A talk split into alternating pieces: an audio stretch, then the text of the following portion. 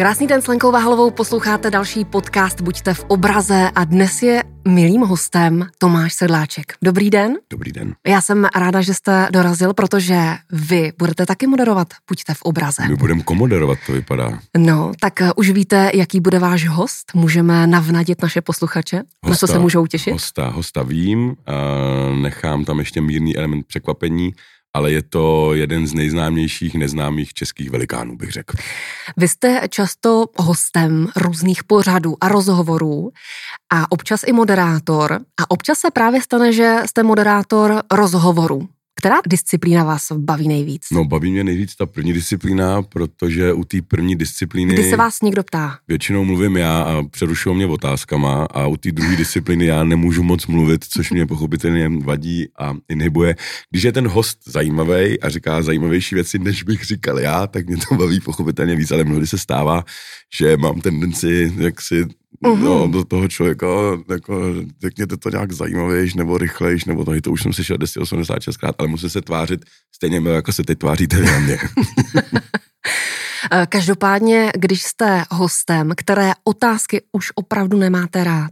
Uh, jak to vidím s ekonomikou, mm. to je opravdu věc, která, už jsem se to naučil, ale bylo to jako dost náročný, uh, náročný, jak si práce na mý vnitřní infrastruktuře. A myslíte obecně, anebo teď zvlášť v té koronavirové mm, krizi, když to tak nazveme? Myslím to obecně, obecně. protože to je otázka, já nevím, no, mýho kamaráda doktora, který ho teď už všichni znají, ale uh, Petr Smejkal, který je teda doktor, eh, epidemiolog, tak jakmile se dozvědí lidi, že, že je doktor, tak mu se ptá, jako, co mají dělat s tím kolenem, nebo že je tady tlačí, nebo tuhle píchá. A to samé je, to samé je se mnou a ta otázka je nejhorší, když mi přistane v nějakým seriózním, eh, špatně připraveným moderátorem, leda, že by si z toho chtěl dělat srandu, ale to je prostě, to je prostě intelektuální lenost zeptat se takovouhle otázku, to jako kdybych se vás zeptal, tak, tak co, jak to vidíte se životem, nebo, nebo hmm. meteorologa, kdyby si se zeptala, jaký bude příští rok počasí.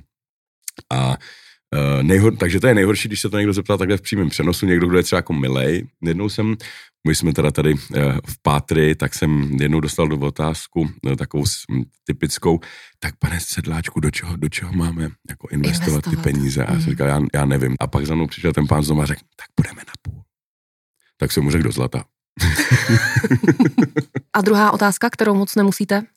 Uh, čekejte, no, no, vlastně jsem ji na sebe prozradil ješ, ještě dřív a to bylo to, do čeho, do čeho investovat, co se teď jako vyplatí. Není tajemstvím, že jste makroekonomický strateg ČSOB. Co si pod tím představit? Já už jsem tady hrozně dlouho let, od roku 2006, takže to je 14, krutím 15. rok, takže první šarže 500 vizitek, co mi přišlo, tak na nich bylo napsáno hlavní ekonomický spratek ČSOB. Mm-hmm. A si myslím, že to by bylo takový nejvýstižnější a to byly moje nejlepší vizitky, protože já jsem to tak jako rozdával a pak, když mi už jako začaly docházet. A Otázka, bylo, jestli to byl překlep. Vždycky, vždycky bylo to nějaký šotek a já jsem ho nehlásil, protože mm. jsem doufal, že se ten šotek bude opakovat, protože mi to přišlo úplně jako vlastně takový celkem jako hezký. Takže já eh, jako, jako hlavní makroekonomický strateg dělám, když se, když je nějaká krize, když byla hospoda, když byla hospodářská hmm. krize 2008-2009, tak jsem, tak jsem chodil na board a vymýšleli jsme, vymýšleli jsme různé strategie, jak pomoct České republice, jak pomoct ekonomice, jak, jak zařídit fungování bank, což bylo zvláštní, protože banky po celém světě krachovaly a Česká republika byla jedna z mála míst na celé mapě západní uh, společnosti, kde banky nepotřebovaly ani jednu jedinou korunu. No a teď je ta situace zase zase taková, že ty peníze vyschly v té reálné ekonomice kvůli, kvůli karanténním opatřením spojeným s covidem a ty banky mají uh, vlastně hrát tu roli toho, to, to, toho polštáře, který těm lidem eh, Kdo nás podrží. Podrží, já nevím, prodlouží hypotéku mm. nebo předělá splátkový kalendář nebo někde, někde mm. přihoří oči, tu uleví a tak dále. Dělá to pochopitelně v spolupráci se státem, ale stát nemá svoje vlastní kanály, které by mohly fungovat takhle dobře. Jedno téma si pěkně odbudeme a půjdeme od něho, ale to je koronavirová krize.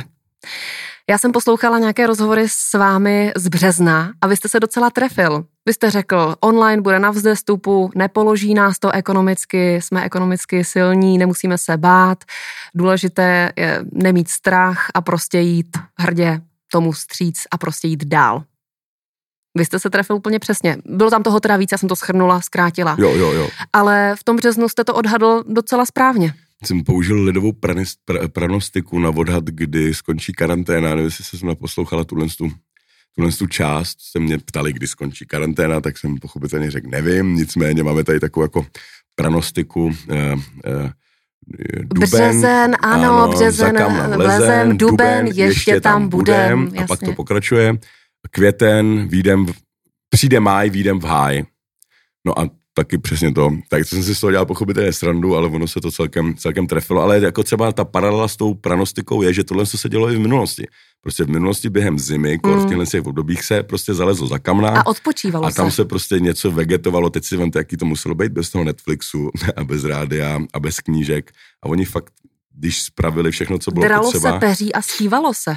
No, jasně. To je dobrá zábava. Jo, jo. A když se dodralo peří, tak už se pak jenom zpívalo, ale bylo to takový, že prostě tyhle dva měsíce se jakoby nepočítal, jo, protože tam zůstane nic se vlastně, bude taková tak divná zima, nikdo neví co, ještě příliš brzo na to zaset, příliš pozdě na to, uh, nevím co, sklízet. Takže, takže jsem tímhle s tím vlastně udělal jako tři mouchy. Za prvý, za prvý jsem tím, jak se dal odkaz na to, že tohle, co se děje, v minulosti to bylo zcela normální, to až dnešní doba vygumovala roční období. Jo. Vlastně moje práce v bance vypadá v květnu úplně stejně jako v lednu a vaše práce předpokládám tady taky. Málo, málo která práce je závislá na ročním období, možná teda zemědělství určitě, možná stavebnictví trošku, nebo celkem dost, ale pak je vlastně hodně, hodně odvětví, který už jsme úplně odlepili a tam se prostě jde 365 dní v roce, furt je to stejný. No a teď vlastně ta příroda, chcete-li, nebo ten covid, když to člověk čte symbolicky, což mm. se nabízí, tak nám prostě řekl, dobrý, a teď tu brzdu dostanete se světa nebo z, eh, z, z oblasti, kde to vůbec nečekáte. Jinými slovy, před 150 lety, kdy jsme HDP nepočítali, tak nikoho netrápilo, že se dva měsíce jako trošku přehnaně řečeno leželo nebo zalezlo za kamna a, a, a vegetování tam měsíc, dva a půl ne, nebyl, žádný před, nebyl žádný problém. Dneska máme pocit, že nám skolabuje ekonomika a jak bylo vidět, tak nám ekonomika neskolabovala. Tak to je jedna věc. Druhá věc je, že, že se e, mi podařilo tímhle s tím jasně odhadnout konec té karantény, což je pochopitelně vtip, ale mm. dobrý. No a za třetí je to vtipný a já ten vtip používám nejenom kvůli tomu, že to je vtipný a vtipný a člověk přece jenom jako by měl být, pokud může, vtipný, ale co je pro mě nejdůležitější, proč používám vtipy, je kvůli tomu, že se to člověk líp zapamatuje. No.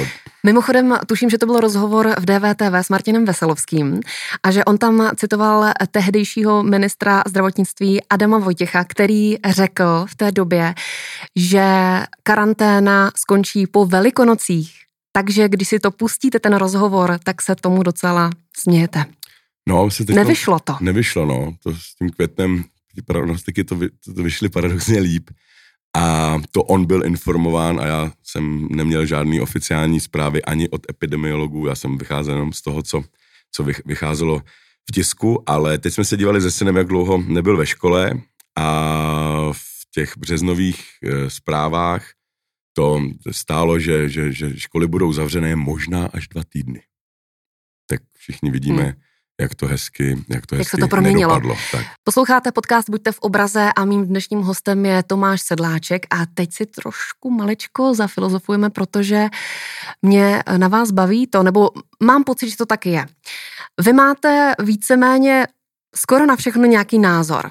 Já třeba, když se mě na něco zeptáte, co fakt nevím, tak řeknu nevím a nemíním se tím zabývat. Ale vy jako vždycky nějaký ten názor na něco máte. A když přijde člověk, který má opačný názor, tak vy mu neřeknete, no prosím tě, tak to vůbec, ale řeknete naopak, to mě zajímá, to je dobrý, argumentuj a pojď se, pojď se mnou diskutovat.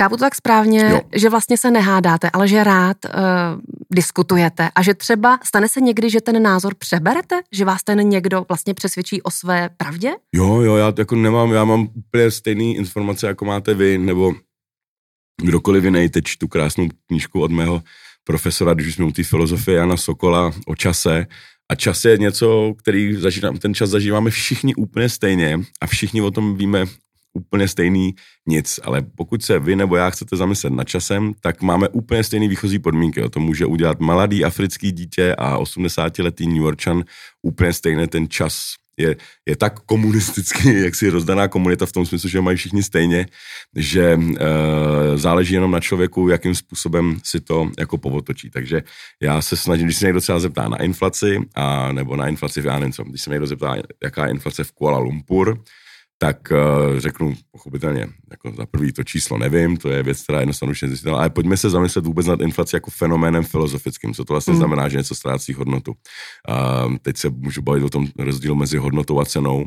a, a, a že používáme inflaci třeba u velkého třesku. Jenom se zeptám, u, míříte k odpovědi na tu moji otázku? U chytrá, u, u, u, u inflace jazyka nebo inflace slov, že prostě třeba slovo láska ztratila svůj původní význam a už je to takový, jako že všichni love you a tohleto. Teď jsem zrovna čet krásnou, nebo slyšel krásnou Forbínu od uh, Vericha, kde má asi 12-minutový zásek nad slovem sranda, a po pěti minutách pochopíte, že tenkrát to bylo sprostý slovo, že prostě sranda jako humor, jako se smělo říkat, ale sranda to bylo nějak jako, jako sprostý slovo. Jak to tak bývá, některé označení pro úplně stejnou věc jsou sprostý, ale když to řeknete pololatinsky, tak najednou to sprostý, sprostý není. Takže sranda očividně bylo velice kadentní, nebezpečný, možná i jedovatý, nebo toxický se dneska říká, slovo, který mnoho lidí dráždilo, no ale za, těch, za, těch, za ty desetiletí se z něj stala normální slovo, normální slovo, který může použít premiér nebo básník a sranda už ztratila tu, tu svoji osten. Takže vidíte, jak jsme se dostali od inflace z Kuala Lumpur na půdu, která, která je jiná. A já bych si dokonce trval tvrdit, dokázal tvrdit, že je zajímavější, protože protože jaká je inflace v Kuala Lumpur opravdu lze zjistit úplně jednoduše a já zase musím počítat s tím, že když třeba spolu děláme rozhovor a někdo to poslouchá, že to nikdo neposlouchá s tuškou a papírem v ruce, jako to se opravdu lidi u toho řídí, nebo vaří, nebo dělá něco jiného, ale ne, že by seděli a zapisovali, jo, tak počkej, tak teda 1,8 je teď v Kuala Lumpur, no tak to je zajímavé, protože v Dubnu byla 1,6 to se prostě neděje, to se používá třeba na konferencích nebo jo, kde ty tabulky máte mm-hmm. vypracované, ale takhle, když dáte rozhovor do rádia, tak já, já se snažím mluvit tak, jak bych si já přál, aby mi, aby mi dělalo eh, společnost rádio, kdybych třeba vařil. Já rád vařím nebo žehlím a u toho si pouštím rádio a chci, aby eh, mě to rádio nebo ta odpověď tomhle případě moje zamyslela, nějak, přivedla k nějakému hlubšímu zamyšlení, tak, aby ten posluchač do té diskuze mohl stoupit. Posloucháte podcast Buďte v obraze, mým dnešním hostem je ekonom Tomáš Sedláček a mě napadla, když jsem přemýšlela nad naším rozhovorem, jedna taková věc, do jaké míry jste, eh, nebo kdy se stane, že přemýšlíte čistě racionálně a kdy dáte na svůj šestý smysl a intuici? Pro, podle mě úplně čistě racionální úvaha není možná, jo, protože čistě racionální úvaha um, když si vezmeme, eh, já začnu trošku od, od, od lesa, ale vrátím se přímo do centra té vaší mm. otázky, nebo doufám, že se trefím. Um, my máme pocit, že racionalita a emocionalita, nebo spiritualita, nebo jak, jak mm-hmm. těžko to nazvat, mm. jsou jakoby na opačném pólu, uh, jsou jakoby opozitama. A já se snažím ve svém myšlení, nebo pracuju s hypotézou, že je to jedno a stejný, to stejný kontinuum. To jako se ve fyzice ukázalo, že čas a prostor se je vlastně jedna a stejná veličina v jiných uh, situacích. Tak uh, vemte si třeba polární opozita, jako je touha a, a strach. Jo? To jsou věci, které jsou vlastně úplně mm-hmm. na opačném poli spektra. Ale přitom, když se nad tím zamyslíte, tak ani, ani touha, ani strach nechodí ve své čisté podobě. To znamená, v každý touze, když se nad tím člověk trošičku zamyslí, tak v každý touze je trošičku malý element strachu. A v každém strachu, zase na druhou stranu, je malinký element touhy. A s tímhle si hra, hraje tragédie, s tímhle si hraje vtip, s tímhle si hraje divadlo. Jinými slovy, v racionalitě je zabudovaná velká část emocí a naopak v emocích je zabudovaná racionalita. A hned bych to chtěl ukázat stručně, jak to myslím.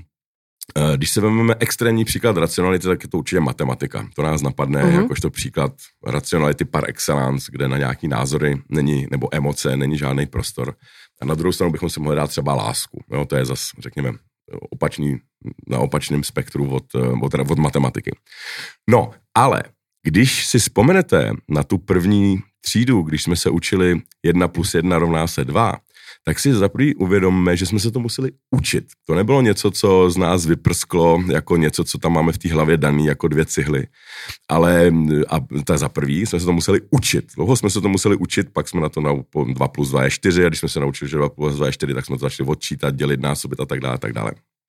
Ale to první jedna plus jedna rovná se dva přece jako ve mně vyvolalo emoci. To bylo jako vlastně najednou jako emotivní, emotivní záležitost, kdy, kdy, uh, kdy jak to bylo nový, tak já jsem třeba si pamatuju v té první třídě nevěděl, jestli ta jednička a ta jednička, když třeba dám uh, dva plus jedna, jestli tady ta 2 plus 1, jestli to se sčítá odsaď té dvojky, od začátku té dvojky, anebo od konce té dvojky. Takže kdyby se to sčítalo od začátku té dvojky, tak 2 plus 1 by bylo jakoby 2. Jo, že na začátku tý... A tak dále. Musel, musel mi to chvíli trvat, než jsem pochopil, že se to jako sčítá na konci těch, těch čísel. Mm, mm. A na druhou stranu láska je něco, co e, vlastně po čase chytne až jako, až jako tendenci, o které bychom mohli říct, že je racionální. Takže když se s někým znáte na začátku, první polibek nebo první dotek je výbuch 28 vesmírů a člověk dlouho jako vlastně vůbec tápá, než zjistí, že aha, tak tohle je láska, tohle je to obecní slovo, mm-hmm. který zaokrouhleně používáme v lidstvu.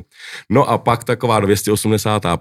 tisícá pusa, a teď jsem jich tam natrval opravdu hodně, zažije inflaci a ta 2580. pusa už vám neudělá těch 28 vesmí a ten vztah se stane racionálním. Ten člověk pod nějakým dlouhým době manželství nebo partnerského vztahu ta, ta emoce už je tak jakoby zajetá v těch kolejích, že prostě víte, že tam ten člověk je, že si to uvědomujete, jak moc ho milujete teprve až v momentě, kdy odejde.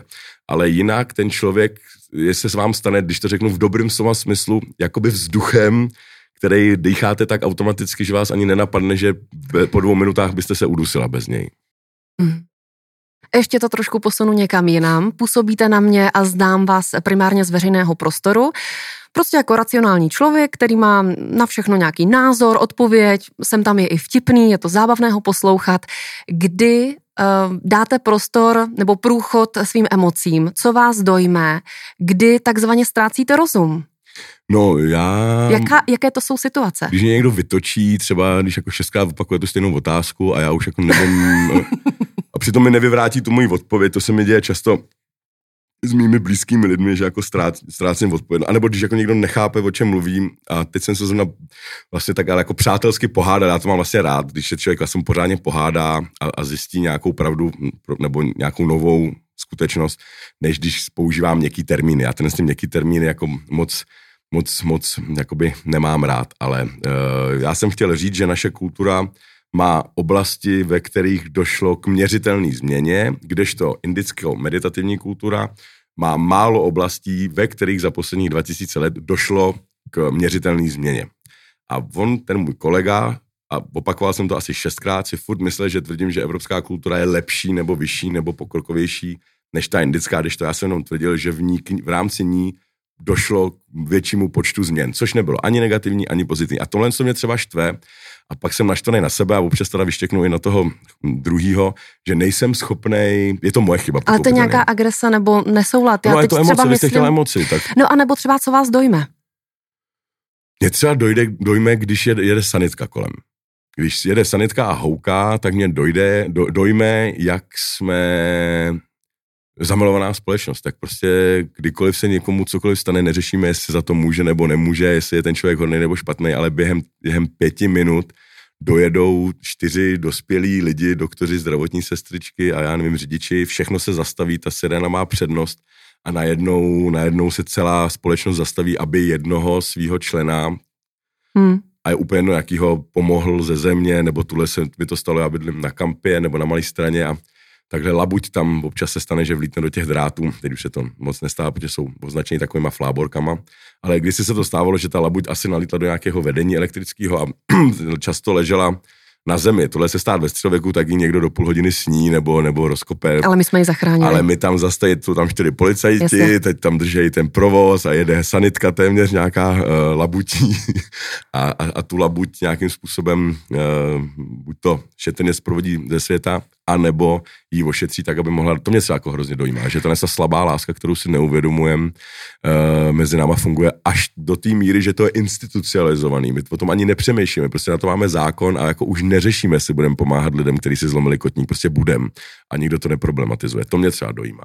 Posloucháte podcast Buďte v obraze, mým dnešním hostem je Tomáš Sedláček. Zaujala mě vaše teorie nebo takový nápad, že bychom se mohli mm, jmenovat bohémové. Jo. Můžete to rozvést? Děkuju, mě hrozně naštalo, a to třeba věc, která moc lidí nenaštvala, ale mě to naštvalo šíleně. Ne, Češi, ale bohémové. Tak když se, no, protože to se, to, to, to nějako, jak se říká hezky anglicky, triggerovalo, nebo to nějako došlo k našlápnutí mé vnitřní výbušné miny, když nebudu jmenovat, kdo jistí politici se rozhodli, že se nebude používat označení Czech Republic, ale že se nám bude říkat Czechia z nějakého důvodu, který doteď, když o tom mluvím, teď se musím zase sklidnit.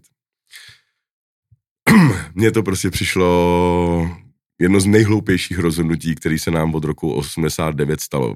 První poznámka, jak to, že tohle to neprošlo diskuzí, jak to, že tohle to typicky věc, která měla přejít projít veřejnou diskuzí. Neproběhla žádná diskuze, což je podle mě naprosto do nebe volající uh, hřích. To jako si představte, že třeba my ekonomové bychom se sešli a ve 20 bychom se rozhodli, že důchodová reforma nejlepší pro Českou republiku bude taková maková a nazdar a od to takhle bude platit a vy nám do toho nebudete kecat, protože my tomu rozumíme nejvíc. To by byl, to, to, kdybyste nás jako poplivali a pověsili naše diplomy někde na kandelábr, tak by to byla správná reakce. To se prostě nedělá, to, že se pár lingvistů sejde a jako nějak se tak jako us, ještě podle mě blbě na tady tom tak mě to prostě mrzí. Za prvý, za druhý a když se ptají lidi, co by teda jako je ten smysl toho národa, jakam bychom, co bychom měli dělat, takže ty, ty politici jsou takový cynicky a že tam není žádná viza, že tam nejsou žádné hodnoty, na které jste narážela i vy, tak mojí jednoduchou odpovědí je, no kdybychom se jmenovali bohémové, tak jako není potřeba na tuto otázku dál odpovídat. A můžu si ještě Čeští pod... bohémové. A můžu si pod tím ještě představit opravdu ten životní styl těch bohémů? No, já si myslím, že jo, každý si to takhle představí. To by se mi líbilo. Konec konců bychom místo těch blbaných reklam, co vysíláme do světa do CNN o tom, jak se tady v Praze dobře pije pivo, což je teda taky neodpustitelný a šíleně drahý, tak jsme se mohli přejmenovat na tu Bohemy a měli bychom, kolik, jak dlouho trvá Bohemian Rhapsody? 9 minut, to je jedna z jaksi, legendárně nejdelších skladeb, kterou snad znám. A měli, bychom, a měli bychom jí, be, be, měli bychom jí uh, zadarmo, jak Gershwina, tak já si teď na mysli Queeny. A to je písnička, kterou za kterou bychom nemuseli platit ani halíř a zároveň bychom svět, to svět by se nemusel divit. Já si vždycky říkám, když ty zahraniční analytici a pozorovatelé sledují třeba českou zahraniční politiku, tak z toho musí mít členej guláš. A kdybychom se měli Bohémie, tak by řekl, aha, dobrý, to je taková to, to území, který se hraje na, na nějakou republiku. My jsme prostě bohémové, nám se, nám se to hodí, neberte nás příliš vážně, nezatahujte nás do nějakých jako celoglobálních rozhodování. My uh, budeme rádi hrát něco mezi Husem a Švejkem, něco mezi Masarykem, Husákem a Havlem. Takže uh, ty bohémové v sobě zároveň jaksi vyjadřují poslání, uh, máme svoje místo na světě, myslím, že se to k nám hodí, máme tady opravdu největší spotřebu piva na hlavu, daleko široko větší než kdekoliv jinde a přitom to není národ vožralů. A já tam ještě prostě, lehce no, cítím Švejka, Cimrmana a tak. Tak, tak, tak, tak. Takže, takže já bych se cítil o hodně líp, kdyby místo Čekia, uh, a teď já nevím, jestli je to jako Czechian Beer, a jestli se to vysvětluje Čechia, nebo Čekia, nebo Čekia, nebo je to, zní to hrozně, zní to rusky a zní to divně. A nikdo nikdy nás tímhle tím způsobem, ani Češi se takhle neoznačují a častý argument hm, proti Bohémii je, že přece Morava není Bohémie, no ale Čechy taky Morava není. Jo, to, tohle to bylo prostě škoda a je to podle mě, kromě sametové revoluce a rozdělení Československa, vlastně třetí nejvýraznější věc, co se vám z vaší vlastí během vašeho života stalo. Není všem dnům konec, ale. No a až si někdy budu nějakým významným politikem, tak tohle to prosadím. Tomáše, na závěr nám řekněte, nevím, filozofa, myslitele, knihu, film, cokoliv, jakoukoliv inspiraci, o které třeba nebudeme vědět, která vás oslovila v poslední době a stálo by za to, abychom si knihu třeba přečetli nebo nějaký film zkoukli. Bill Bryson, Brief History of Nearly Everything, je to přeložený i do češtiny. Bill Bryson, stručné dějiny téměř všeho, jestli se nepletu, ten překlad tady trošku parafrázuji. A to je tak krásným způsobem popsaný vlastně veškerý vědecký obory, kromě humanitních. Takže já bych se třeba v budoucnu chtěl napsat takový, takovou knížku o, o humanitních vědách, tak aby si to lidi četli v tramvaji. Mým dnešním hostem byl Tomáš Sedláček. Poslouchali jste podcast Buďte v obraze. Já moc děkuji za vaše milé a krásné otázky.